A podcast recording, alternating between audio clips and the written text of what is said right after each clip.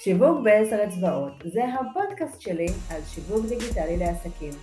נעים מאוד, אני יונית צוק, הבלוגריסטית, ואני מזמינה אתכם ואתכן להאזין לעסקים שעושים שיווק בדיגיטל בעשר אצבעות ובמאה אחוז הצלחה. תהנו. איזה כיף, אני ממש מתרגשת להקליט את הפודקאסט שלנו היום, הילד ונטיה מישר מהתבלינים של הילד, התבלינים של הילד, בידיעה. אה, זאת גם התרגשות כי אנחנו, בעצם השיחה שלנו היא ספתח לעונה חדשה של הפודקאסט שלי, שבו אני אשים דגש על העולם השיווק הדיגיטלי של עסקים. ואני חושבת שלפתוח איתך, איילת, את הפרק הזה, את העונה הזאת, בשבילי זה כבוד גדול. אני רואה את הצמיחה שלכם ומה שאתם עושים בדיגיטל, ואני מה זה מבסוטה, חבל הזמן, ולא פעם ולא פעמיים ולא עשרים ולא שלושים, אני אומרת ללקוחות שלי, תסתכלו על אה, העשייה הדיגיטלית של התבלינים של הילד, ותלמדו כי ככה בעיניי צריך לעשות דיגיטל. אז שלום. ההתרגשות היא הדדית, בשבילי זה גם איזשהו סוג של אה, סגירת מעגל, כי את יודעת, את הדרך הדיגיטלית שלי, פחות או יותר התחלתי בפרלמנט איתך. אפילו יש ציון דרך שמתייחס לנושא הוויזואליות באתר שלי, של איך ממחישים offline ב online, שהוא לגמרי לגמרי נקודת ציון שהתחילה בפרלמנט. איזה כיף זה. אז, אז אני ממש גאה שאת פה, ואנחנו מקדימות קצת את המאוחר. אז בואי נתחיל עם השאלה הראשונה, ת, תציגי לנו, תספרי קצת על העסק, אה, איך הוא התחיל? קודם כל, אה, העסק אה, לא התחיל כאיזושהי כוונה עסקית או איזשהו רצון עסקי, זה התחיל אפילו כאיזשהו סוג של קוריוז, לפני, ב-2014, אני וניסים היינו אחרי איזשהו שינוי תזונתי שלקחנו על עצמנו בבית, לעבור לתזונת הפלאו, שזו תזונה נקייה מדגנים ומסוכר מעובד ושמנים מזוכחים, ולהתמקד יותר באוכל אמיתי ופחות מעובד ומתועש. וסביב התזונה הזאת התפתחה בעצם קהילה בפייסבוק ואנחנו הצטרפנו אליה, ותוך כדי שיח שמתנהל בעיקר של איפה קונים ואיפה משיגים ואיך מבשלים ומה מכינים, אה, קם בחור בשם אוהד רוט והחליט ליזום שוק שיתפגש פעם בחודש, יהיו שם כל מיני ספקים שיביאו חומרי גלם וינגישו אותם במחירים נוחים, ואנשים שיבואו לשוק הזה מתוך הקהילה ידעו בוודאות שמה שהם אוכלים בדוכן הבשר או בדוכן הדגים זה משהו שמותאם לחלוטין, או מה שהם קונים בדוכן העוגיות, זה משהו שלגמרי מותאם לתזונה. אז השוק הראשון התקיים ביולי 2014 ברמת השרון, פעם ראשונה, היום מדברים המון על אירועי offline לקהילות האונליין, וזו פעם ראשונה שבאמת אה, הייתי חלק מכזה מפגש שהיו בטוחים שיגיעו 500 איש, הגיעו 2,500 איש, שזה היה מטורף. וואו, יש לי צמרמורת לשמוע את המספר הזה. ממש, זה היה מדהים, ואני בדיוק הייתי באיזושהי פרשת דרכים אה, מקצועית, הייתי שכירה כל מיני, אה, הרבה מאוד זמן בכל מיני תפקידים, ומאוד רציתי לחזור להיות אה, עצמאית, רק לא ממש היה ברור לי במה אני אעסוק. ובתפר הזה פניתי לאוהד ואמרתי לו, אני פנויה, יש לי זמן, אני אוהבת לכתוב, אני אוהבת לעשות חיבורים, אם אתה צריך עזרה אני אשמח לעזור. ואז הוא אמר שהוא בעצם רוצה שבשוק הבא יהיה דוכן תבלינים. עכשיו רגע, אני תמיד פותחת סוגריים בשלב הזה כדי להגיד שהרבה פעמים אנשים לא מודעים, דרך אגב גם היום, עד כמה תבלינים הם לא בהכרח אה, מאה אחוז תבלינים ומאה אחוז נקיים. וזה לא חייב להיות רק תערובות תבלינים, זה גם יכול להיות תבלינים פשוטים כמו פיפה שחור או פפריקה או קורקום, שבכל מיני מקומות, לא אגיד בכל המקומות, אבל בכל מיני מקומות יש נטייה לעבות אותם עם כל מיני תוספים כדי להגדיל את הנפח ולהוזיל את המחיר. אה, דוגמאות יכולות להיות שבפיפה שחור, החל מי שיטחנו אותו יחד עם כל הענפים והעלים והכל, ועד דרך אה, לעבות אותו עם פחם ועם גליני זיתים שחורים, ומוסיפים בו קמח לכל מיני תבלינים, ונסורת אפילו, ודוחן, ובקיצור, כיד הדמיון, ו... והוא אמר, אני רוצה שלפלאו יהיו תבלינים נקיים בוודאות, כי אם יש משמעות לחומרי הגלם, אז שיהיה משמעות גם לתבלינים שאיתם אנחנו משתמשים. ואני, בחיבורים שיש לי תמיד בראש, אמרתי, אה, יש לי שכן שעובד במפעל שאני יודעת בוודאות שהוא נקי, אז אני אפנה אליו, אני אגיד, אציע לו לפתוח דוכן, מקווה שהוא גיחך, הוא אמר לי, אנחנו מפעל, אנחנו מייצרים, אנחנו לא עושים דוכנים. אבל אם את רוצה, אני אמכור, אני אמכור לך תבלינים שמתאימים בהרכבים שלהם למה שצריך, ואז uh, תפתחי דוכן, ואני די כזה הסתייגתי, למרות שאני מבשלת, ולמדתי בישול, ולמדתי שיווק ועסקתי במכירות, די הסתייגתי, וניסים היה זה שאמר, יאללה, בואי נעשה את זה. וככה מצאנו את עצמנו עם uh, אוגוסט 2014 בגבעת השלושה, בשוק הפלאו, עם קערות כאלה עמוסות, בתבלינים צבעוניים, עם משקל, עומדים, שוקלים וכולי. אה, ותמיד אני מספרת שההסכם שלי עם אותו מפעל היה שכל מה שפתחתי אני חייבת למכור, כל מה שסגור אני חייבת להחזיר, אני יכולה להחזיר, ואז אמרתי, טוב, זה לא בשבילי הדבר הזה, כאילו לא בשביל זה למדתי תואר, עשיתי דרך, עשיתי כל מיני תפקידים, אבל יש תבלינים פתוחים, צריך להיפטר מהם, והדרך, אה, היום יקראו לזה storytelling, אז לא ידעתי איך קוראים לזה, אבל מה שאני אעשה, אני פשוט בקהילות של הפלאו, אני אספר על תבלינים אסביר להם מה זה כמות, מה עושים עם כמות, באיזה סוגים יש, וראסל חנות וכולי וכולי, ואז אנשים יבואו לשוק הבא, יקנו, אני אפטר ממה שיש לי, ואני אסגור את הסיפור הנחמד הזה. אבל מה שקרה זה שבעקבות זה ששיתפתי וכתבתי והשתתפתי בקהילות, ואנשים קנו והתלהבו, כי גם קיבלתי תבלינים מאוד טריים, לא כאלה שיושבים על המדפים, לא כאלה שפתוחים. בעיקר מקו הייצור ללקוח.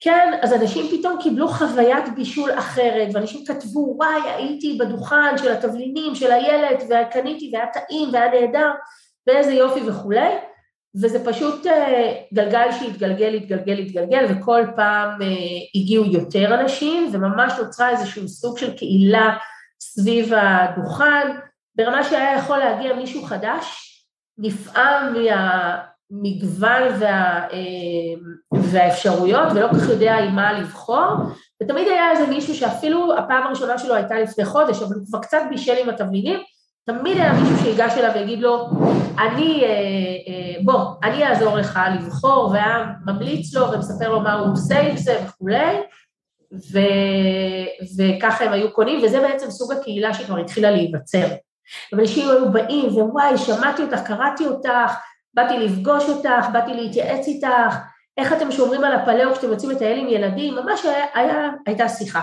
לקראת סוף 2017 הבנו שהשווקים הולכים ומתמעטים מכל מיני סיבות, מצד שני יש קהל, יש לקוחות, גם זיהינו שאנשים מאוד אוהבים תערובות תבלינים, כי זה הופך את הבישול למאוד קל ופשוט, לא צריך לחשוב... לגמרי, זה אחד הדברים... אה, באמת העניין הזה של בישול, לדוגמה, אני, אני לא יודעת כל כך לבשל, אבל ברגע ששמתי באמת את התערובות שלך, שניסיתי בהן, וואי, זה היה קל. כאילו, מעבר לזה שפתאום נהניתי כי האוכל שינה את הטעם שלו, מ, את יודעת, כל הקציצות היו אותו טעם אצלי, לא משנה מה, ופתאום השתמשתי, כמו שאת אומרת, זה וואו. אז כזה, ואז הבנו שבאמת הייחודיות שלנו, ומה שחסר לאנשים זה באמת גם מגוון גדול יותר של תערובות, וגם ללמוד איך להשתמש בהם בצורה יצירתית. ו... ואז בסביבות 2000, כאילו לקראת סוף 2017, אמרנו, אוקיי, יש פה הזדמנות עסקית, יש פה קהל, יש פה אפשרות, מה אנחנו עושים עם זה, אם השווקים הולכים ומתמעטים, איך אנחנו בכל זאת מגיעים ליותר קהל וליותר אנשים, ואז אה, יועצים עסקיים למיניהם אמרו אולי כדאי שתעבדו עם חנויות, תיפתחו למפיצים, תרחיבו את נקודות המכירה שלכם. ליועצים עסקיים שלא מבינים בתחום זה נשמע נורא טריוויאלי, ואני החלטתי שאני לא שומעת ליועצים, אלא הולכת להתייעץ עם מישהו שהעסק שלו הוא בתחום הזה, לאו דווקא תבלינים, אבל בתחום של מוצרים ונקודות ייצור ונקודות אה, מכירה ומכירה באונליין, כאילו. אז יש מישהי שאני מכירה, יש לה עסק שנקרא לבנדר, קוסמטיקה טבעית, שעשתה דרך די דומה לשלנו במובן הזה שהיא התחילה מאיזשהו ייצור ביתי וזה התפתח, ואני מכירה אותה ושאלתי אותה אם היא תסכים לשתות איתי קפה, ומשיחה של חצי שעה זה הפכה להיות שיחה של שעתיים, שכשיצאנו ממנה, אחרי שקיבלנו סריקה, סקירה, סליחה, מאוד אה, אה, רחבה ומעמיקה ונדיבה של מה המשמעויות של כל צעד כזה מבחינה תפעולית, מבחינה שיווקית, מבחינת uh, המוצרים, היחס עם הלקוחות וכולי, קיבלנו החלטה שאנחנו עוברים לאונליין. כמובן שכולם הרימו גבה וכולם אמרו לנו מה פתאום, אף אחד לא קונה תבלינים באונליין, ואני אמרתי להם, אתם תראו, זה יקרה. אז בעצם החנות האינטרנטית או הייתה לנו, היה לנו אתר, אבל ה mind של יש לנו עסק אינטרנטי התחיל למעשה בתחילת 2018.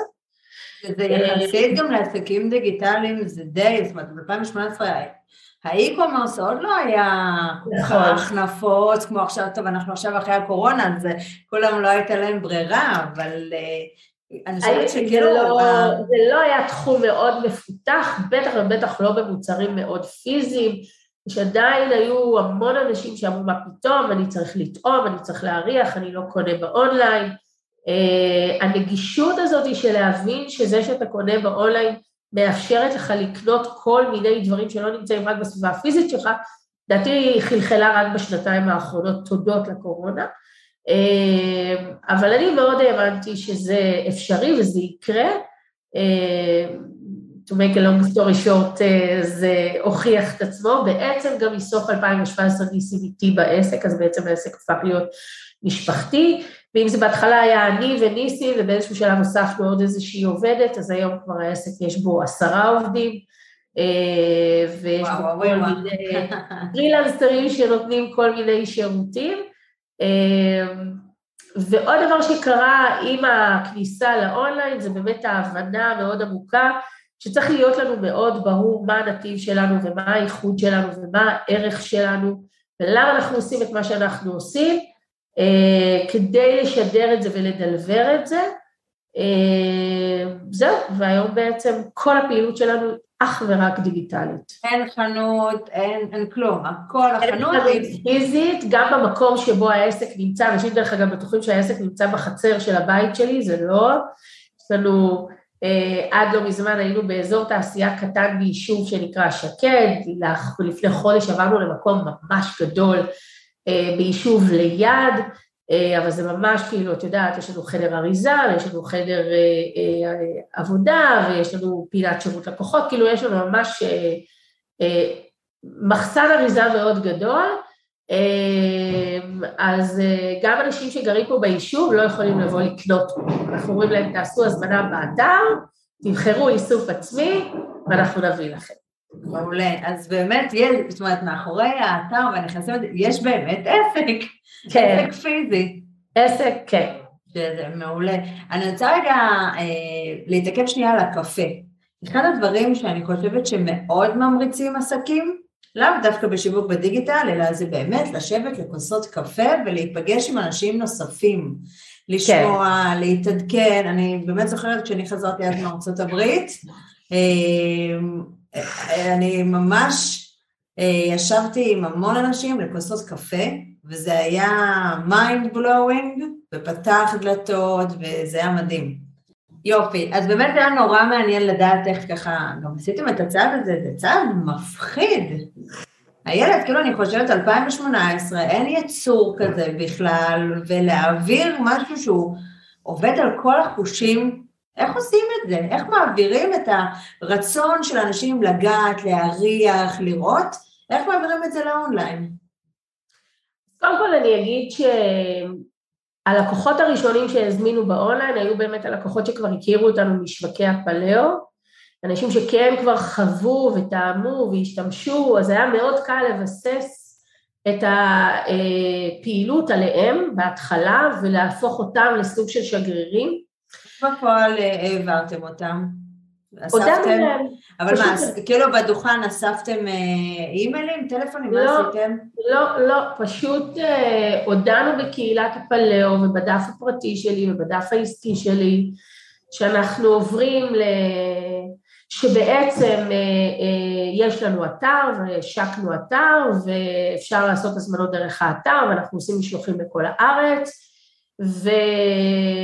ולאט לאט אנשים פשוט התרגלו שמזמינים, אז כן, אז בהתחלה היו רק 30 הזמנות בחודש ואחר כך היו 70 הזמנות בחודש ולאט לאט זה הלך וגדל עד שאנחנו מגיעים היום לאלפי הזמנות בחודש, אבל זה ממש התחיל מהדבר הזה וכשאנשים היו פונים, כי הם היו רגילים לפגוש אותי בשוק, או הם ידעו שהולך להיות שוק, אז הייתי פשוט שולחת להם לינק אה, לאתר, אומרת להם, תעשו הזמנה באתר, וזה הכי מהר יגיע אליכם אה, עם, עם שליחות, מאשר לחכות אם וכאשר נגיע לאיזשהו דוכן, וככה לאט לאט, וכמובן שבמקביל לזה גם התחלנו לעשות אה, מהלכי פרסום ממומן ולא להסתפק רק במה שאני כותבת בדף העסקי, זה בעצם היה השלב שהתחלנו להיכנס לכל העולם הזה של פרסום ממומן, גם שם אני אגיד שיש המון שיחות, כן, לשלם לצוקרברג על, על פרסום, מה פתאום, אולי אני לא אשים שם כסף, או לחילופין לעשות את זה לבד, הייתה תקופה מאוד מאוד קצרה שעשיתי את זה לבד, לקחתי שיעורים ואמרתי, טוב, אני אעשה את זה לבד,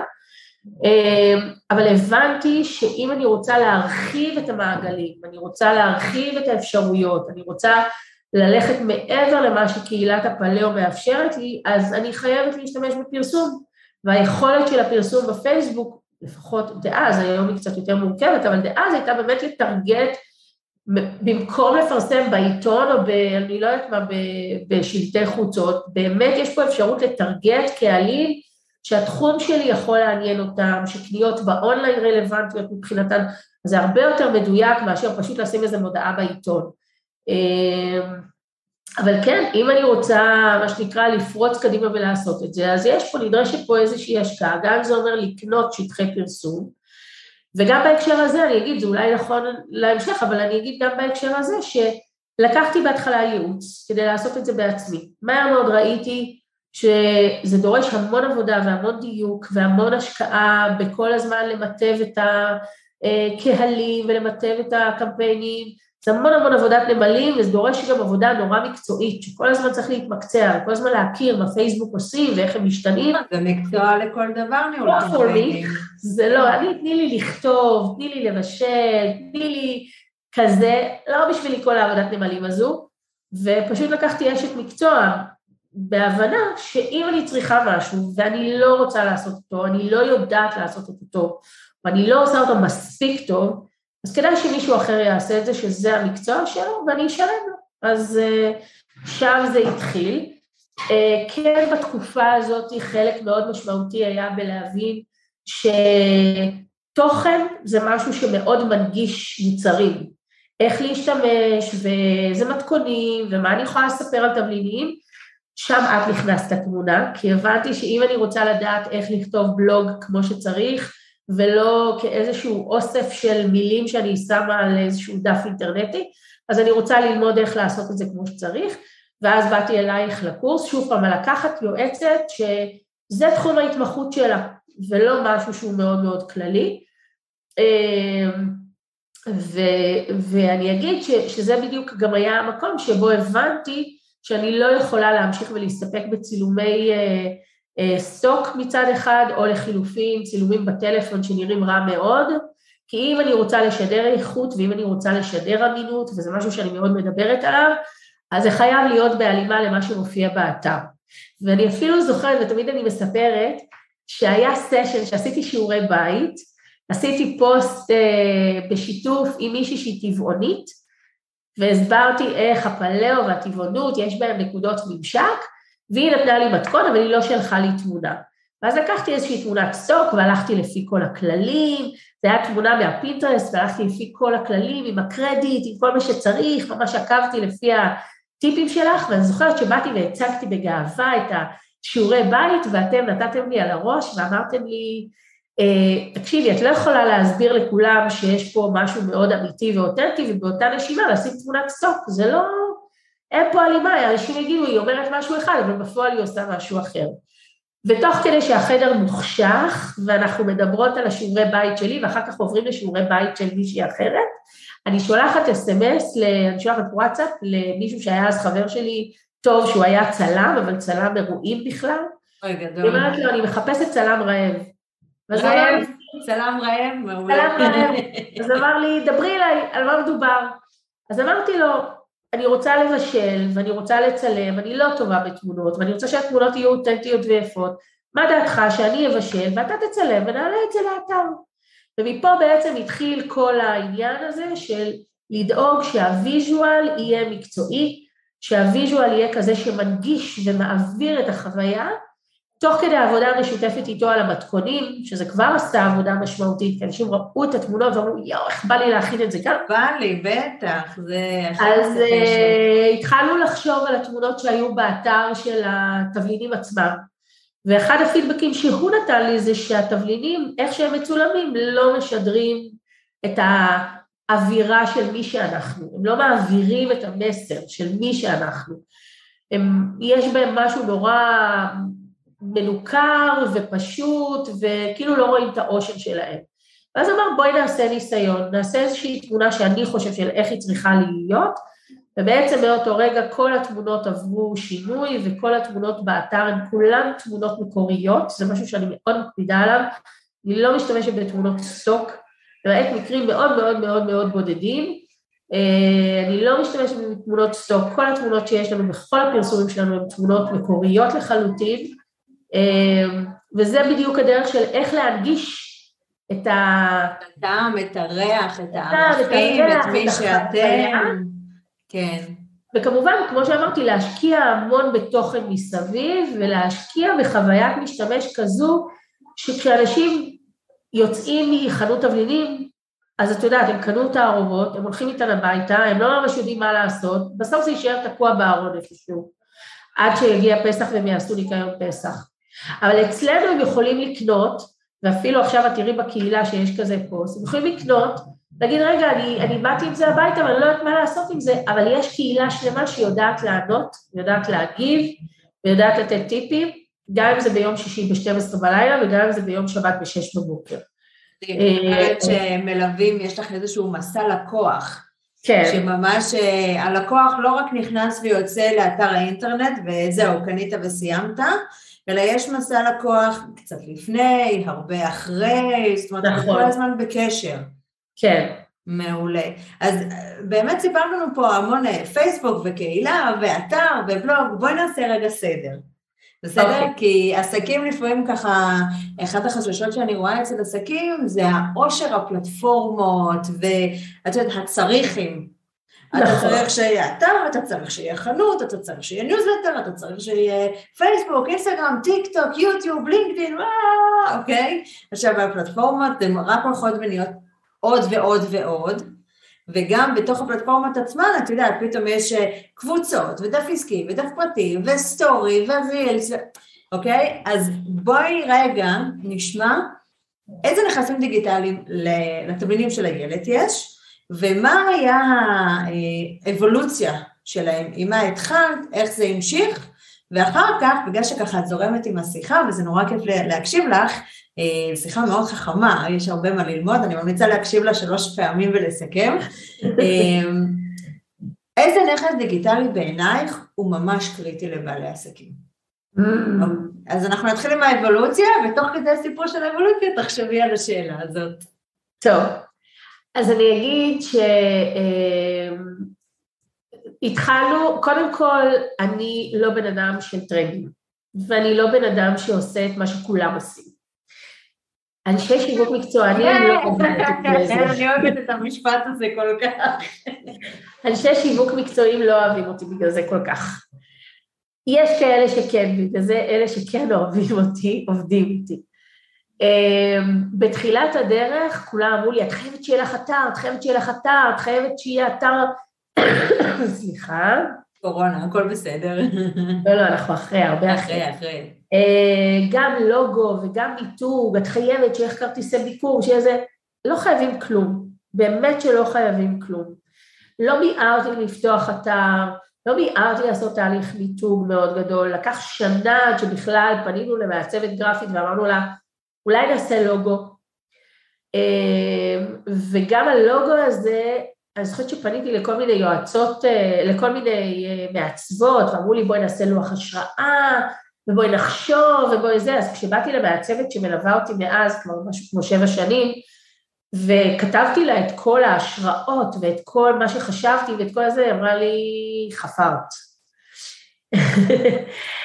בסוף אבל מה שהיה חשוב זה שכתבתי לה בעיקר מה אומרים עליי, מה הלקוחות אומרים, לא מה אני רוצה שיהיה, לא מה אני חושבת על עצמי, אלא מה כבר הלקוחות שיש לי אומרים עליי. וגם כשפתחתי נכסים וגם כשפתחתי את האתר, המחשבה הייתה מה הלקוחות צריכים ומבקשים, לא, מה, לא רק מה בא לי ומה אני רוצה. זאת אומרת, הזווית ראייה של הנעליים של הלקוח. תמיד. Uh, אני חושבת שנכון זה שעסק קודם כל יהיה ללקוחות ורק אחרי זה נכסים.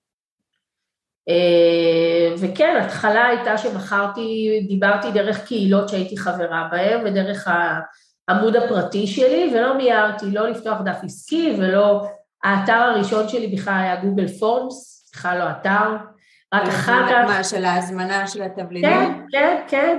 היה גוגל פורמס, אחר כך עברתי לאיזה אתר בפלטפורמה שנקראת פוליו, שזו פלטפורמה כזאת מאוד פשוטה, קצת מזכירה את וויקס, רק בהמשך עברתי מה שנקרא לבריכה של הגדולים, שכבר הרגשתי שאני יותר מבוססת גם מבחינה כלכלית, אבל גם מבחינת היקף הפעילות וגם מבחינת ההבנה של מה בכלל אני רוצה שיהיה באתר ועבור מה הוא נועד.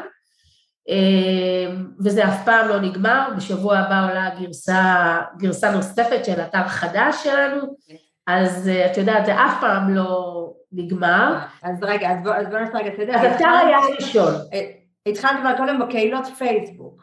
התחלתי קודם כל בקהילות פייסבוק. ושם היית מעורבת בקהילות כן. הפלאו, ואז גם offline, נכון? כן, כן. וגוגל פורמס בשביל לעשות את ההזמנות של התבלינים. כן, כן. וכל הכלים החינמיים, ואז כן. נהיה פה איזה עסק. בנית אתר תדמיתי פשוט על פלטפורמה קלה, פשוטה, נגישה, בלי לשבור את הראש. נכון. ואז עשית לוגו. נכון. ואז המשכת עדיין להיות בפלטפורמה הפשוטה, עד שהגעת למסקנה שהעסק התרחב וצריך לתת מענה. הנה דוגמה למשל שאני לא הגעתי למסקנה הזאת, אבל הייתה לי יועצת עסקית שאמרה לי בואי, כאילו, את צריכה לשחות בבריכה של הגדולים כבר, מה, את שוחה בבריכה של הקטנים? די, תת, תתקדמי. ואז היא חיברה אותי למישהו שאז היה נחשב איזה מומחה דיגיטל כזה, שסיפר לנו ניסים ונפלאות על פלטפורמות דיגיטליות וחנויות אונליין וחנויות שהוא מפתח בקוד, בקוד סגור, ואני שלא הבנתי בזה כלום ושום דבר, והכל היה נשמע לי מדהים ונפלא, אמרתי יאללה בסדר בואו נשקיע כסף ונבנה אתר כמו שצריך. אל תבנו אתר בקוד סגור, אף פעם, בחיים לא. זה ממש לא, אה, לא ידידותי לאף אחד, חוץ מאשר למי שמחזיק את האתר. אה, ומשם עברתי, כמובן כשהבנתי את המגבלות של הקוד הסגור, עברתי לוורדפרס, בהתחלה, אה, ולמעשה עד עכשיו זה האתר שקיים לנו היום, אתר שגם עובד על תבנית Elementor, עם קצת פיתוחים, עם המון המון פלאגינים שנותנים כל מיני אפשרויות, והאתר שהולך לעלות ממש בקרוב זה אתר שהוא גם הוא על WordPress ו WooCommerce, אבל הוא באמת פיתוח מאפס, זאת אומרת לא Elementor ולא תבניות. זאת אומרת שזה קוד פתוח, קידוד של כן. הנראות, הצורך, ממש תכנות, כן, כן. כן, כן. אז זה האבולוציה של האתר, שבכל פעם אני כמובן מבינה יותר ויותר גם מהקהל שלי וגם ממני מה הצרכים בבק אופיס ובפרונט. Uh, הדבר הבא שפתחנו היה דף עסקי. של פייסבוק, אה, דף עסקי של פייסבוק. נכון, שהדף העסקי מבחינתי היה המקום שבו כתבתי, הבנתי באיזשהו שלב שאולי החברים שלי בפייסבוק לא בא להם לשמוע כל היום על תבלינים, אז אולי כדאי שיהיה דף עסקי, ושם אני אכתוב הכל, ובכל מקום שהייתי שמתי קישורים לדף העסקי. אה, יהיו אנשים שיגידו שהדף העסקי של פייסבוק מת. אני לא שותפה לדעה הזאת, אני חושבת שאומרים את זה אותם אנשים שלא מבינים שכדי שמשהו ילבלב ויפרח, צריך להשקות אותו, צריך להתמיד ולהיות עקבי, וצריך שיהיה שם מעניין. וקיבלתי לא מעט ביקורות על זה שאני כותבת פוסטים מאוד ארוכים, ושאני uh, כותבת מעין פוסט בלוג בתוך הדף העסקי, so what, עדיין זה עובד, מאוד עובד. הרעיון היה באמת לעשות דף עסקי שאני כותבת בו אה, בתחילת הדרך כל יום, אחר כך ירדתי לארבע פעמים ביום, אה, ארבע פעמים בשבוע, היום אה, זה בערך שלוש פעמים בשבוע, וזה רק בגלל שלא אני באופן אישי מנהלת הכל לבד, אה, אבל המון תוכן עולה שם, אה, הרבה פעמים אני מרגישה שיש לי הרבה יותר תוכן מאשר ימים בשבוע, אם זה היה תלוי בי אז הייתי גם מעלה פעמיים ביום, אמ, אבל באמת התנהל שם דף עסקי שהוא היה מאוד מאוד פעיל והחשיבות המאוד גדולה שלו זה מהמקום שכשיש דף עסקי אז אפשר למדוד את האפקטיביות של הפוסטים שאני מעלה, אפשר לבדוק לכמה אנשים הם הגיעו וכמה אנשים הגיבו, ואפשר להפוך את זה כמובן למודעות ממומנות, מה שאי אפשר לעשות בפלטפורמות האחרות. אה, לא כולל אינסטגרם, אני מדברת על פלטפורמות אחרות כמו הדף הפרטי או קהילות או דברים כאלה, וזה בעצם היתרון המאוד גדול של דף עסקי. אז לשאלתך, כן. אני באופן אישי, מה אני חושבת, ויהיו כאלה שיחלקו עליי, אבל אני חושבת של, שמישהו שרוצה אה, להגיע ליותר קהלים ויותר, זה צריך להשתמש בפלטפורמה שהקהל שלו נמצא בה, אוקיי? כי יש אנשים שחושבים שהקהל שלהם נמצא באינסטגרם ולא בפייסבוק. אה, אז אני חושבת שיש פה שני אלמנטים, אחד זה לבחור את הפלטפורמה שבה מרגישים שהקהל נמצא וצורך תוכן, והדבר השני זה לבחור את הפלטפורמה שיהיה לי הכי קל ונעים איתה. אוקיי, תכף אנחנו נדבר על האינסטגרם, אבל אני אגיד שאני מאוד אוהבת את הפייסבוק, בגלל שפייסבוק מבחינתי זה מרחב שבו אפשר לנהל דיון, אפשר לדבר אחד עם השני, אנשים יכולים לדבר בינם לבין עצמם על דיון שאני פתחתי, זה לא משנה אם זה בקהילה, זה יכול להיות בדף עסקי, מה שלא קורה באינסטגרם. גם יכול להיות באישית, זאת אומרת, זה מעורר איזשהו שיח. נכון, מה שלא קורה הרבה פעמים באינסטגרם, זאת אומרת אינסטגרם הוא לא כזה. אז באבולוציה היה האתר, אחר כך היה דף עסקי. רגע, בתוך האתר, רק בשביל שניקח ברורות, האתר כולל את החנות אונליין שהיא בתוך האתר. האתר כולל חנות, האתר כולל מתכונים. מתכונים, אה, לא. שוב, גם היה איזשהו משהו שעבר איזושהי אבולוציה של איך אני כותבת מתכונים ובמה זה מובחן מפוסט בלוג שאני כותבת. אה, אז יש בלוג ויש מתכונים ויש אה, חנות. ויש המון חיבורים ביניהם, זאת אומרת זו גם כן. הסיבה שבחרנו פלטפורמה של וורדפרס, כי אפשר לעשות את החיבורים ביניהם, ואם מישהו נכנס למתכון, אז הוא רואה איזה מוצרים השתמשתי ואפשר לקנות. בעצם מותאם לצרכים ש... אני מכירה אותה, התחיל ממך, של וואלה, כאילו יש לך שם מתכון, ושימי שם את התבלינים שהשתמשת, כדי שאנשים יוכלו כבר להוסיף לסל. נכון, את זה אני זוכרת. נכון, אה, וההפך, כשיש נכנסים לתבלין, אז אפשר לראות איזה מתכונים אפשר להכין. אה, הדבר הבא... אם דיברת על דף עסקי שאומרים שהוא... כן, אז אני אגיד, הדבר הבא היה ניוזלטר, שלעניין ניוזלטר אני יכולה להגיד שאנשים המון מדברים על email marketing ועל כמה זה ממיר ועל כמה זה כסף שיושב על הרצפה. email marketing כמו כל דבר דורש השקעה ודורש תכנון ודורש אסטרטגיה. אם לא נמצאים שם באופן עקבי ועושים את זה באופן עקבי ומבינים מה המהות של email marketing ומה אני רוצה שבן אדם ירגיש כשהוא פותח את האימייל שלי, לא הייתי משקיעה בזה יתר למידה, אני חושבת שזה מאוד חשוב, אבל כדי שזה יהיה מניב, צריך להיות עקביים. זה נכון דרך אגב באופן גורף לכל הפלטפורמות. אי אפשר לעשות פוסט בדף עסקי או ניוזלטר פעם בחודש או פעם בחצי שנה ולצפות שזה ימיר, זה לא עובד. אה, צריכה להיות שם עקביות, ולכן עוד פעם, הפלטפורמות שאני אבחר הן באמת הפלטפורמות שבהן אני מרגישה נוח, ופלטפורמות שאני מרגישה שאני יכולה להיות בהן עקבית אה, ולהתמיד לאורך זמן. אה, ושוב, כל פלטפורמה היום נמדדת בפני עצמה במובן של מה היא אמורה לשרת ומה היא אמורה לשדר ואיזה ערוץ היא תופסת בתוך העסק בהקשר הזה. הדבר שהבא אחריו היה אינסטגרם, שפתחתי אותו ולא מה עושים עם זה, ולא התחברתי ולא התחברתי ולא התחברתי, ולא עשיתי שם כמעט כלום, ולאט לאט התחלתי לעשות, ואמרתי, טוב, כולם אמרו לי צריך, והמוצרים שלך נורא ויזואליים, אז תיכנסי לשם, ולא הצלחתי להבין את הדבר הזה, ואז עוד פעם הלכתי לכל מיני מומחיות, אה, ובסוף 2019 אמרתי, אני חייבת לפצח את הסיפור הזה של האינסטגרם, כאילו זה לא יכול להיות שאנשים נמצאים שם והפרופילים שלהם מאוד פעילים ואני לא. אז הלכתי לאירה, לאירה הוק, ועשיתי אה, אה, קורס שהיא עשתה שנקרא mastermind, שממש ככה היה רגע לפני הקורונה, אה, ועשיתי המון המון עבודה בזכותו, וממש שמתי פוקוס מאוד גדול על האינסטגרם, והשקעתי בו לא מעט, בעיקר ברמת התדירות של אה, התכנים והצילומים והסטורי, ולאט לאט לאט ממש בסיזיפיות ועבודת נמלים הגעתי לעשרת אלפים עוקבים, ואז יכולתי גם לשים לינקים, היום כל אחד יכול לשים... היום כבר כל אחד יכול לשים כן. לי.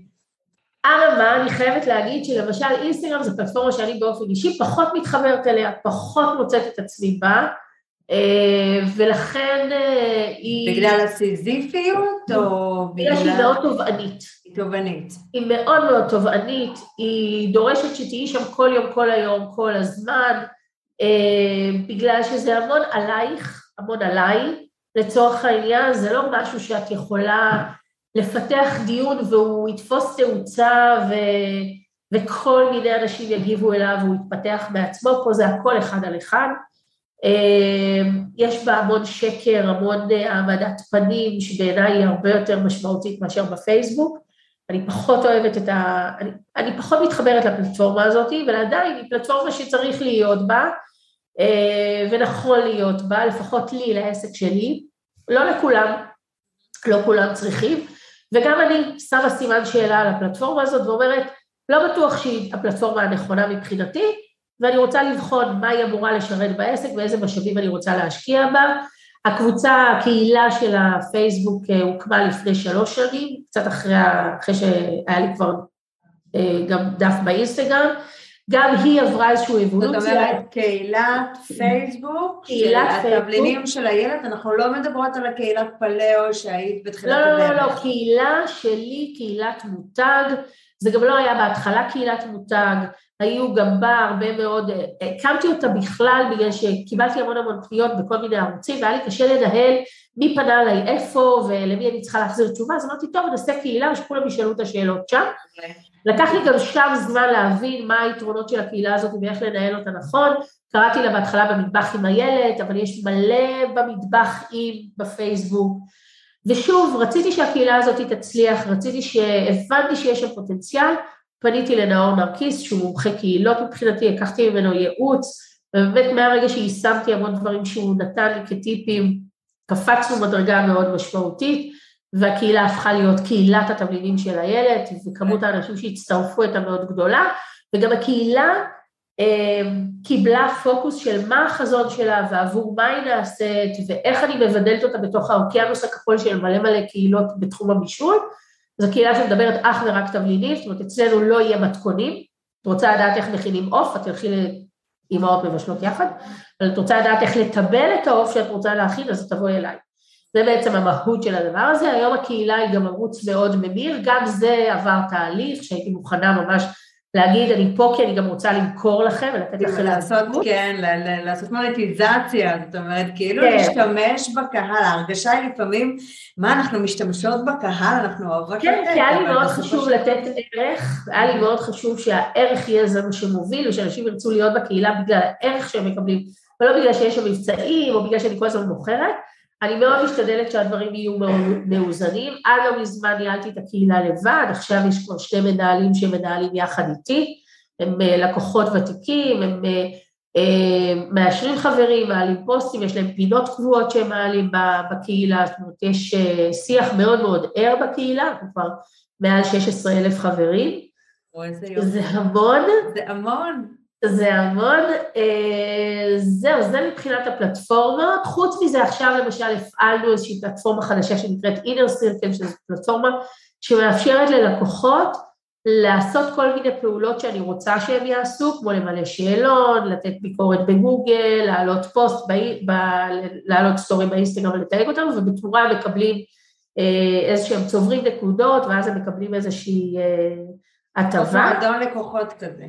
סוג של, כן, אמ, ואני היום כדי לייצר יותר נוכחות בדיגיטל שלא תהיה תלויה רק בי, עשיתי איזה מין קבוצת שגרירים קטנה של אנשים שהם לקוחות שלנו ופעילים ברשתות החברתיות ויש להם קהל שעוקב אחריהם, הם מקבלים ממני כל מיני תמיכות והם מקבלים תבלינים, הם מקבלים, למשל עכשיו עשינו להם סדנת אה, צילום אוכל מקצועית, שבעצם המטרה היא שגם אם אני עכשיו לא העליתי שום דבר בשום פלטפורמה, מישהו העלה משהו והשם שלנו ממשיך להתגלגל. טוב, אז בית ספר לעסקים בדיגיטל, אני סיימתי את תפקידי פה, מדהימה מדהימה, כאילו, יש לי עוד כל כך הרבה שאלות, אבל באמת הערך שאת נותנת פה הוא אדיר, ואני ממש מקווה שאנשים מסכמים את, את יודעת, לא שומעים את זה באוטו, ממש כן. יושבים ומסכמים את כל הנקודות. אני רואה ש... אה, יש לי שאלה על, גם על הפלטפורמות וגם על התכנים. אני אתחיל עם התכנים כי זה הכי בוער לי. כן. את באמת איזשהו מקום של פרץ תכנים בלתי נגמר. את ממחזרת תכנים? את משתמשת, כן. מעבירה מפלטפורמה? כאילו, מה, מה את עושה עם התכנים האלה? אז קודם כל אני אגיד שאני ממחזרת תכנים במובן הזה שאם אני כתבתי לפלטפורמה אחת, פעם חשבתי שבכל פלטפורמה צריך להיות משהו אחר. אז ממש הייתי יושבת וכותבת לכל פלטפורמה את זה שלה. אחר כך אמרו לי לא, צריך לעשות קופי פייסט. פשוט העתיקי. ואז מישהי נתנה לי פידבק שהיא קראה אותי כבר בדף העסקי, אז לא בא לי לקרוא עוד פעם בקהילה. אז גם אם אני ממחזרת, אני משתדלת שיהיו טוויסטים שונים ותוכן טיפה יותר מותאם לפלטפורמה ואיזה שהן תוספות קטנות. זה דבר אחד שאני עושה עם התוכן. הקהילה היום, דרך אגב, היא ערוץ אה, ליצירת תוכן. אה, אנחנו מעלים שם ממש פוסטים ושאלות שנועדו שמהם נוכל לאסוף אחר כך איזשהו דאטה שיהפוך לפוסט אה, באחת הפלטפורמות, בין אם זה... אני חושבת שזה גם מה שמאפיין מלכתחילה את העסק שלך, שזה קודם כל מהלקוחות. כן. והעסק הוא עסק מאוד מאזין. אני מאזינה ללקוחות שלי מה הם צריכים. אז הקהילה, כשאת שואלת אותם, או כשהם שואלים שאלות, את יודעת שמשם זה מקור השראה מאוד גדול לתוכן שיכול לעזור ללקוחות פוטנציאליים, גם כן. בפלטפורמות אחרות. כן, לגמרי. אז כן, אז יש מחזור, אבל המחזור הוא לא יהיה copy-paste, והוא יהיה המון להשתמש במה שלקוחות מעלים. אני לפעמים אפילו אה, נכנסת לשירות לקוחות, לפלטפורמה של השירות לקוחות, גם זה אנחנו עובדים עם איזושהי מערכת, נכנסת, רואה את השאלות שאנשים שואלים, או רואה את מה שאנשים מגיבים, ומשתמשת בזה כאיזשהו מקור ליצירת תוכן. מדהים. אה, מה ש... קודם כל, תודה, תודה, זה מדהים מה שאת אמרת. אני רואה שיש לך צורך, כשדיברנו על האבולוציה של הפלטפורמות, שיש לך צורך קודם כל לנסות, כן, לפתוח, לעשות hands on, לנסות את זה, ואז אוקיי, רגע, אולי יש פה שיטה, נלמד, ניקח ייעוץ אישי, אם זה קורס, סדנה, ואני גם רואה שהתלמידה מתמידה, זאת אומרת, את כל הזמן לוקחת כמה וכמה סדנאות וקורסים על אותה פלטפורמה, על דברים שצריך בשביל הפלטפורמה, ואז את מחליטה בעצם אם, אם לעשות או לחדול, או לעשות ולהעביר הלאה לפרילנסרים, או לעשות את הצעד הבא לממומן. כן. נכון? אז, אז איך את מצליחה לנהל? אה, אני אגיד שאני אף פעם לא חושבת שאני יודעת הכל, אה, שזה משהו שמאוד מאפיין אותי ואת ניסים בעסק, אנחנו תמיד שמים סימני שאלה, אף פעם אין לנו סימני קריאה מוחלטים, חוץ מאשר על החזון והערכים והעקרונות שלנו. אמ, אני מאוד אוהבת ללמוד, אה, אני מאוד אוהבת להכיר, אני מאוד אוהבת להיכנס לעומקם של דברים, גם כשאני היום מדברים איתי על ממומן, חשוב לי להבין על מה מדברים איתי. חשוב לי לדעת איך זה עובד, כדי שאני אוכל לעשות איזושהי בקרה לעצמי, אם השירות שאני מקבלת הוא מספיק עונה על הצרכים ומקצועי, ואם יש לי איזה שהם אינפוטים לדבר הזה. ויהיו פעמים שאני אגיד, אה, אה, ובכלל אני גם אגיד שאני לא אוטודידקטית, זאת אומרת, אני לא מאלה שמסוגלות ללמוד בעצמן, זה לא בשבילי, יש כאלה שמאוד יודעים, אני לא, אולי בבישול אני אוטודידקטית. אה, אבל... הנה משהו שאני לא. או בכתיבה, אבל נניח, אני לא מאלה שיש פלטפורמה ואני אכנס עכשיו לסרטונים ביוטיוב, ואני, לא, אני צריכה שמישהו יישב איתי, יסביר לי, ילמד אותי, אחד על אחד או בקבוצה, לא משנה, אבל שיראה לי איך זה, אני משם כבר אדע איך לקחת ולהעמיק.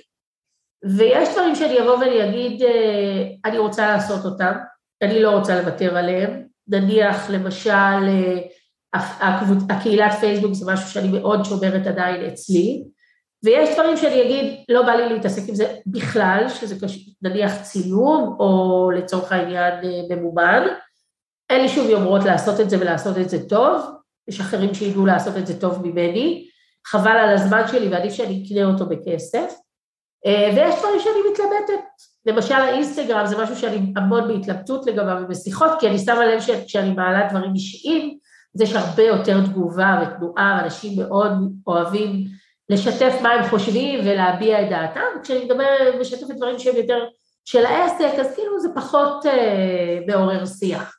אז את יודעת, אבל בגדול כן. אז יש באמת מדהים ש... אבל אני יכולה להגיד לך שהייתי עכשיו בריטריט קהילות, ריטריט מנהלי קהילות, והיה שם סשן למשל על טיק טוק. כן. ו... קודם כל, ריטריט מנהלי קהילות זה של Community Forward, עשיתי את זה נכון. לפני שלוש שנים או ארבע שנים, זה בדיוק נפל לו יום הולדת של תמר, הבכורה שלי, וביקשתי ממנה אישור ללכת לזה, וזה היה מדהים, אני ממליצה לכל אחד.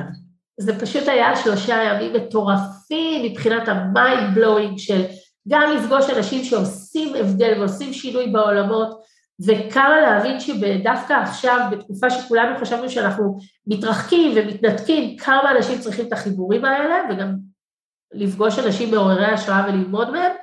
אה, אבל שם למשל מדובר על הטיקטוק, ואפילו הביאו איזה בכיר מטיקטוק, וחבורה של משפיעני טיקטוק כאלה, עם שמונה מיליון וכאלה וזה, והם עבדו איתנו בקבוצות, ואמרו, דבר ראשון שאתם צריכים זה להוריד את הפלטפורמה של הטיקטוק, אז אוי ואבוי, הורדתי פלטפורמה של טיקטוק, והבנות שלי ישר כשחזרתי הביתה אמרו לי, אמא, אמא, יש לך טיקטוק? אוי ואבוי, יש לך טיקטוק?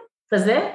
אה, אני לא מתחברת לפלטפורמה הזאת, אני לא מצליחה להבין מה יש בה, וכרגע מבחינתי היא לא ב scope של הפעילות, יכול להיות שבהמשך כן, אבל כרגע היא לא. אני מבינה את היתרונות שלה, אני מבינה איזה ערך יש בה, אני מבינה את הפוטנציאל, לא הולכת להיכנס לשם כרגע, שוב, עניין של תעדופים, סדרי עדיפויות, ובעיקר איפה החיבור האישי שלי נמצא, איפה הלב שלי נמצא. כן, אני נורא אוהבת את החיבור הזה של הלב, כי בעיניי זה ההתחלה, וה... זה ההתחלה והסוף של עסק. לגמרי, החיבור של הלב, ואם עושים משהו שהוא בכורח, הקהל מרגיש את זה. לגמרי. הוא מרגיש את זה וזה. תגידי, איזה טעויות, זה כי עד עכשיו אמרנו לא, קודם כל אני רוצה רגע, אמ, אנחנו מדברים על המון שנים בדיגיטל, כי לפעמים אני רואה ככה עסקים שרוצים לצמוח בכזה כן, מין כן. אה, מהירות, כי הם רואים עסקים נורא מצליחים בדיגיטל, ויש משהו מתעתע. אז אני שמה על השולחן, לקח המון זמן עד שהעסק באמת צמח, כמו שאת אומרת, היו לי שנה עם, כן, 30 מכירות בחודש, כן, כן, וזה. מה שהיה וככה זה מתחיל. אז אני חושבת שיש פה, אני חושבת ש... א', אין קיצורי דרך. אין, לא קיימים קיצורי דרך. אמן, אמן, אמן. הקיצורי דרך היחידים שיכולים להיעשות זה באמת אם אנחנו לוקחים ייעוץ מיועצים ספציפיים או מתייעצים עם בעלי עסקים שכבר עשו את הטעויות ולמדו מהם ומוכנים לשתף, זה הדרך היחידה לייצר קיצורי דרך מעבר לזה. שום דבר לא יכול להחליף עבודה סזיפית, יומיומית, עקבית, מתמידה, מעניינת, שום דבר לא יכול להחליף את זה. אמ, ו, ובהקשר הזה אה, גם אי אפשר להחליף טעויות, זאת אומרת אי אפשר להימנע מטעויות. ולא סתם אני תמיד אומרת שטעויות הן היועצות העסקיות הכי טובות שלי. זה מהם מהמם. אני לומדת. מהם אנחנו לומדים, את יודעת, ההבנה שטעויות יהיו ויקרו, ואיך ניסים כפרה עליו תמיד אומר לי, טוב, הילד, זה בסך הכל כסף. זה בסך הכל כסף.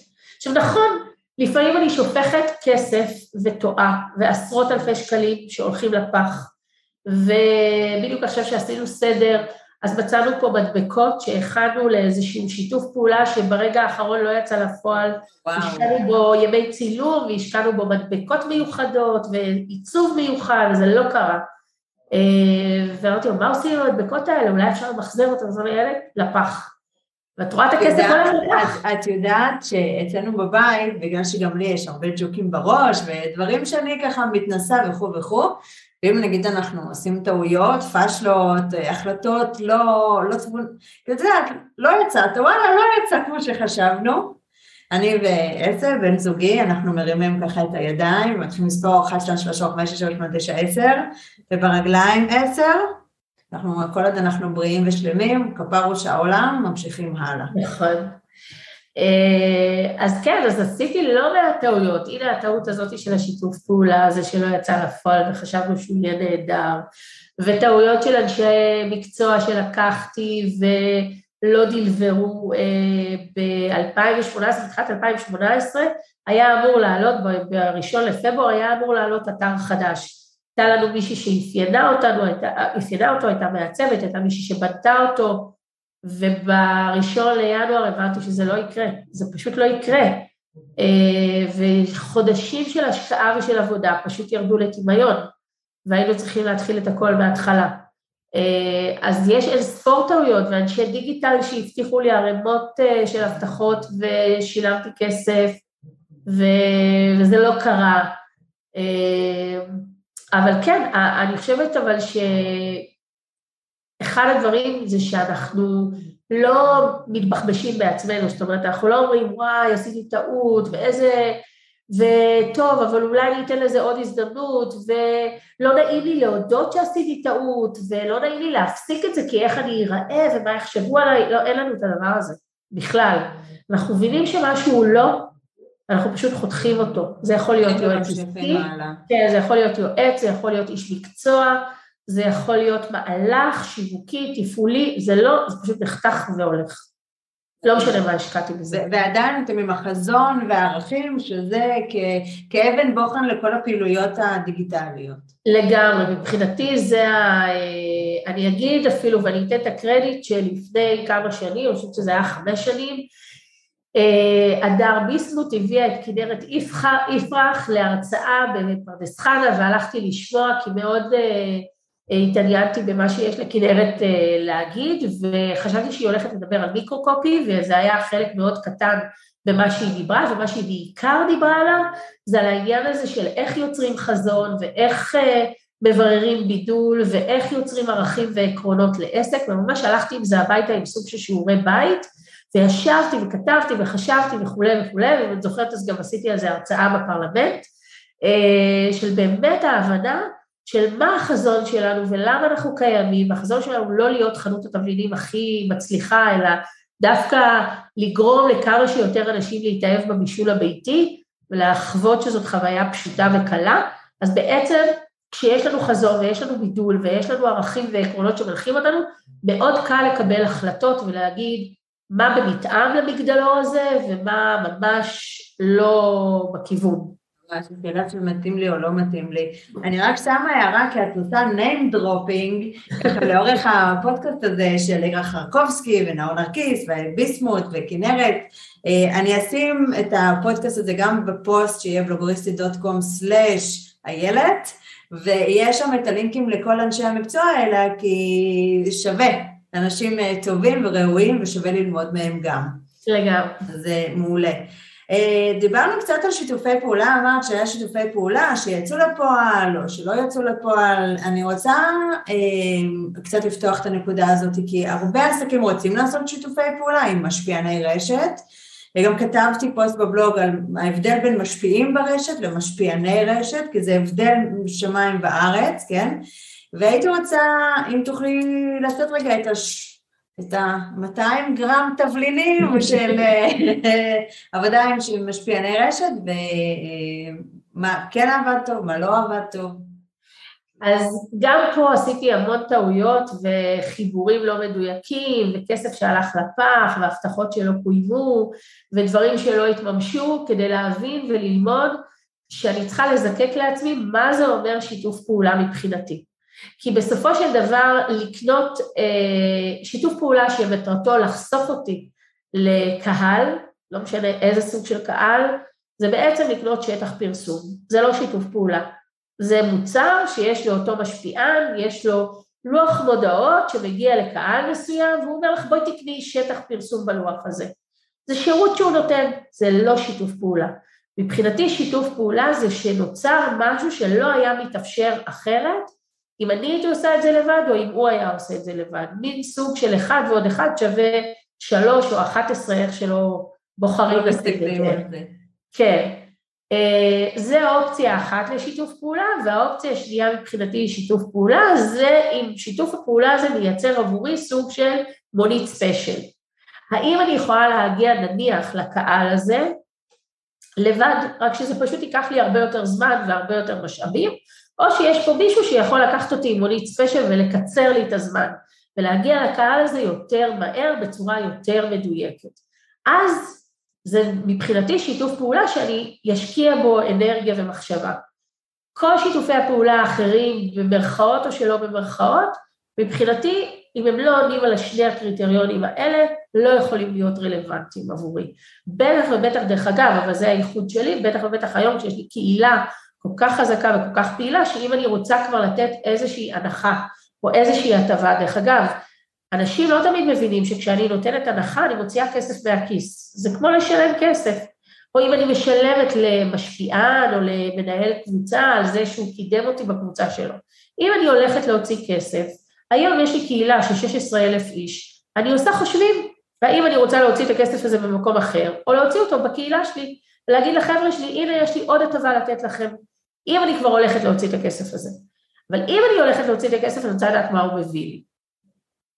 אה, ולכן אני היום כן בוחרת ומאוד מקפידה עם מי אני אעבוד ובאיזה סוג של שיתוף פעולה אני אעשה.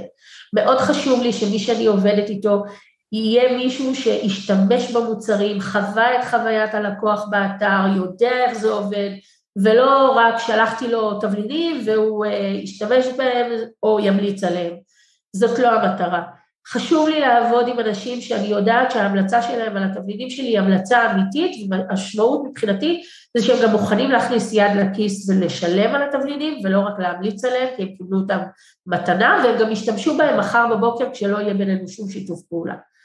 אה, אני חושבת שהקהל היום מבין את זה ורוצה לראות את זה, שאת לא מפרסמת משהו רק כי נתנו לך את זה כמתנה. תשלום או...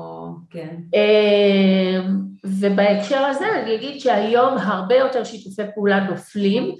למשל עשינו שיתוף פעולה עם בלוגר של אוכל, או אחד הבלוגרים של האוכל, שזה היה מאוד טבעי ומתבקש, אבל בסופו של דבר התוצאה הייתה שהקהל שלו הוא קהל לא מדויק, הוא קהל שלא קונה באונליין, הוא, הוא קהל שצורך מידע באונליין, אבל הוא לא בהכרח קונה באונליין. זה היה קהל שקנה רק את מה שהוא הציע לו, זאת אומרת, הוא אמר לו, צריך אה, קציצות של ניסים, אז הם קנו כן. רק את הקציצות של ניסים, ולא משהו שהוא מעבר לזה. ו... ובסופו של דבר, מבחינתי זה לא היה, זה כאילו היה מתבקש, אבל זה לא היה הקהל הרלוונטי. אה, אז זה היום מבחינתי העניין הזה של המשפיענים, ו... אני בטח ובטח לא אעבוד עם משפיענים שהיום ימליצו עליי, או מחר ימליצו על מישהו אחר, ישתמשו באותם מילים ובאותם קומפלימנטים, זה לא יקרה. כן, כן, זה בטוח. שוב, זה עוד פעם, החיבור הזה מהלב. כן. באמת לדעת את הקהל. היה לך שיתוף נפלא עם, אני יודעת בגלל שכרטיס האשראי של רעות מקהילת רעות תקני לי, שגם אותה אני אראיין בקרוב. אמ, את חלק בעצם גם מהכרטיס וגם יש לכם שיתופי פעולה, כבר כמה פעמים עשיתם ביחד. היה לנו פעמיים, כן. פעמיים, ונראה לי שזה סיפור אהבה כזה. נכון. אני אגיד שהנה רעות היא בעיניי הדוגמה למונית ספיישל. אה, אם אנחנו מדברים על שיתוף פעולה של מונית ספיישל, אז רעות היא כזאת. היא הביאה אותי לקהל שהוא קהל צרכני, שקונה באונליין ואוהב לקבל המלצות ואוהב לקנות באונליין, היא הביאה אותי לקהל הזה הרבה יותר מהר מאשר מה שאני הייתי מגיעה אליו בעצמי. ובנקודת הזמן שהיינו בה, אה, אני מדברת על אה, סוף 2019 ותחילת 2020, היינו צריכים את המונית ספיישל הזו. היום אנחנו יודעים להגיע לזה לבד, אבל אז היינו צריכים את המונית ספיישל הזו. וגם על רעות אני אגיד שאחד הדברים שאני מאוד מאוד מעריכה, וזו הסיבה שאני בוחרת לעבוד איתה בפורמטים השונים, זה כי רעות לא חיכתה שאני אשלח לה מתנה, ולא חיכתה שזה, חיברו בינינו דרך אגב הרבה קודם, אה, וזה לא צלח, זאת אומרת זה לא קרה, לא הצלחנו לדבר אפילו, עד שבאיזושהי סיבה, אני אפילו לא יודעת למה, יום אחד אני רואה באינסטגרם תיוג שלי עם מישהי שקוראים לה רעות לבנברג, ואין לי מושג מי זאת, לא חיברתי שזאת רעות תקני לי. ראיתי שאני מתויגת שם, והיא מספרת שהיא קנתה מאיתנו תבלינים וממרחים, ווואו, זה באמת מדהים כמו שדיברו עליהם, עלינו, ו... ואז כתבתי לה, אה, וואי, איזה יופי, לא ידעתי בכלל שקנית, איזה מדהים. אמר לי, כן, היה לי חשוב לטעום, היה לי חשוב לחוות את חוויית המשלוח וחוויית הקנייה באתר, ולראות שזה באמת עונה על הציפיות, והיא קיבלה בתמורה לסטורי הזה המון המון המון המון פניות, מה שהנכיח לה כמה אנחנו כבר מותג מאוד מבוסס עם קהל שעוקב אחרינו ורוצה את השיתוף פעולה הזה, ואז בעצם זה קרה. עשינו את זה פעמיים, מכל מיני שיקולים, אה, אה, רובם עסקיים, אבל לא רק, אה, קיבלנו החלטה שכרגע אנחנו לא עושים שיתופי פעולה כאלה בקבוצה איתה, אבל בגלל שאני מאוד מעריכה אותה ומאוד מוקירה אותה, אני חושבת שהיא אחת מנשות הדיגיטל והעסקים והקהילות הטובה שקיימת, אם לא הטובה שבהן. אמ, אה, היה לי מאוד חשוב להוקיר אותה בדרך שונה מאשר רק לעשות שיתוף פעולה, ולכן כשהיא פנתה אליי והייתי בין העסקים הראשונים אה, חמשת או שבעת העסקים הראשונים שהיא פנתה אליהם בהקשר של הכרטיס, אה, נרתמנו ונתנו שם הנחה יחסית משמעותית, ואפילו גם פרסמתי, ואני יכולה אפילו להגיד שעשינו את שופינג אייל, ועכשיו עשינו גם איזשהו מבצע על המארזי היכרות שלנו, ופרסמתי בין השאר שלמי שיש את הכרטיס שירות יוכל ליהנות מההטבה. ואמרו לי, אבל למה את מפרסמת אותה? כאילו, למה את מפרסמת את המהלך הזה? שהיא תעשה את הפרסום שלה. ואמרתי, לא, אני כל כך כאילו, אני רוצה שאנשים ידעו שיש את האופציה הזאת, שהיא קיימת, שאנחנו חלק מזה, וזאת הדרך ה... ה בוא נגיד, אה, אה, הערכית או המותגית שלנו, לקחת חלק במהלך שאנחנו חושבים שהוא מהלך מדהים ולהיות שותפים בפעילות של מישהי שאני באופן אישי מאוד מאוד מעריכה ועשתה בוסט מאוד רציני לעסק שלנו. מדהים, אני חושבת שזה גם חלק מלהיות מקהילת עסקים. נכון. זאת אומרת, גם ההמלצות שאת פה זרמת, זה, זה אנחנו חלק מקהילת עסקים, שההצלחה שה, של אחרים זה לגמרי ההצלחה שלנו גם. נכון, זה, נכון. זה נורא כיף לפרגן, לעזוב, וברגע שהכל מתואם ומסונכרן, הערכים, ה-DNA, הליבה, אז, אז הרבה יותר קל ככה לפרגן ו, ולתת את השאפו. אה, עוד שתי שאלות ואז אנחנו ככה נסיים, גם יש עוד שאלות שלא שאלתי פה וזה יהיה כתוב בפוסט, אה, וגם יש פה שאלות שלא יהיו בפוסט אבל הם כן פה בפודקאסט. אני רוצה לשאול אה, איזה טיפ את יכולה לתת לעסק שרוצה לעשות באמת את הפריצה הזאת מאופליין לאונליין, כי אני מרגישה עכשיו לדוגמה בעסק שלי שהרבה עסקים פונים אליי, אוקיי, הקורונה כאילו כבר דועך, יש, יש מלחמה, אז אין קורונה, כן? אבל uh, פתאום הם אומרים, או oh, וואו, לא עשינו כלום בשנתיים האלה, והאונליין הוא לא באמת אה, נסגר, הוא ממשיך. נכון. וזהו, ואיזה טיפ היית נותנת באמת לעסקים שממש רוצים מהאופליין לאונליין? אה, וואו, אני חושבת שהדבר הראשון זה להבין שזה דורש השקעה. גם של אה, אנרגיה וזמן וחשיבה, אבל גם השקעה כספית. אה, אנשים היום מכירים את האונליין, מכירים חוויית משתמש, יש להם כבר התנסות וניסיון בקניות באונליין ובוחנים כל דבר, ולכן צריך לבחור פלטפורמה שתהיה כמה שיותר שימושית ונגישה ונעימה ומשדרת מסרים אה, ברורים, ולפעמים זה דורש השקעה, זה לא יכול להיות על פלטפורמות חינמיות יותר. גם בהקשר של ה visual, בהקשר של המעבר מהאופליין לאונליין, חייבים, חייבים, חייבים להשקיע בזה. לא יכול להיות היום אתר אונליין באוויר, שה visual שלו נראה, סליחה על הביטוי כמו פח אשפה או packshot ים שלא אומרים שום דבר. צריך להשקיע בזה, וזה לא יכול להיות שבן אדם יצלם לעצמו, אלא אם כן הוא צלם מקצועי, צריך להשקיע בצילום מקצועי כדי שהתוצאות יהיו טובות. אנשים היום יודעים להגדיל תמונות ולראות את הפיקסלים, ואנשים יודעים להגיד אם תמונות הן באיכות טובה או לא באיכות טובה, והתמונות צריכות להמחיש לא רק את המוצר, אלא את חוויית השימוש במוצר. אה, תשימי לב למשל אצלי באתר לא תמצאי פקשוטים, יכול להיות שבתמונות גלריה יהיה פקשוט, אבל גם אז הוא יהיה קצת ויזואלי, התמונות שלי תמיד תמיד יהיו תמונות אווירה חווייתיות. בסביבה הטבעית שלהם, או לא על רקע לבן. כן, שממחישות את השימוש, שממחישות את החוויה שיש בשימוש, שממחישות את, ה, את, ה, את החושים שמופעלים בשימוש. אני חושבת שזה שני דברים שבן אדם צריך להבין שהוא צריך להשקיע בהם, ולדעת שאתר זה לא שגר ושכח, בטח לא אתר מכירה. אתר שכל הזמן צריך להתעדכן בתוכן, במוצרים, במידע, זה צריך להיות משהו שהוא חי ונושם כל הזמן. זה דבר אחד בצד התפעולי ובצד הדיגיטלי. יחד עם זאת, אני אגיד עוד אספקט של זה, יש את כל עולם השיווק הדיגיטלי, אף אחד לא ייכנס לחנות הזאת אם לא נפרסם אותה. צריך להבין שגם את זה צריך לעשות, צריך לפרסם, צריך להבין איפה לפרסם, איך לפרסם. זה שבניתי חנות זה לא מספיק, צריך לגרום לאנשים לבוא להיכנס ולרצות לקנות. והדבר השלישי שאנשים דרך אגב לא תמיד לוקחים בחשבון, זה שמאחורי הקלעים של חנות דיגיטלית יש מערך תפעול ושירות לקוחות.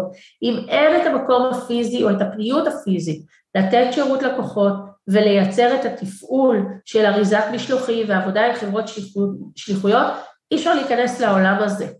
אה, יש היום לא מעט יצרנים, יצא לי להרצות למשל בקורס שהעבירו שטראוס בקהילת רוץ לכל מיני יצרנים, ואמרתי להם, לא כל יצרן צריך שיהיה לו אתר אינטרנטי. אני מבינה את המטורף זה ששטראוס קוראים לתבלינים של הילד בשביל לתת הרצאה על אה, שיווק דיגיטלי של עסקים, זה וואו.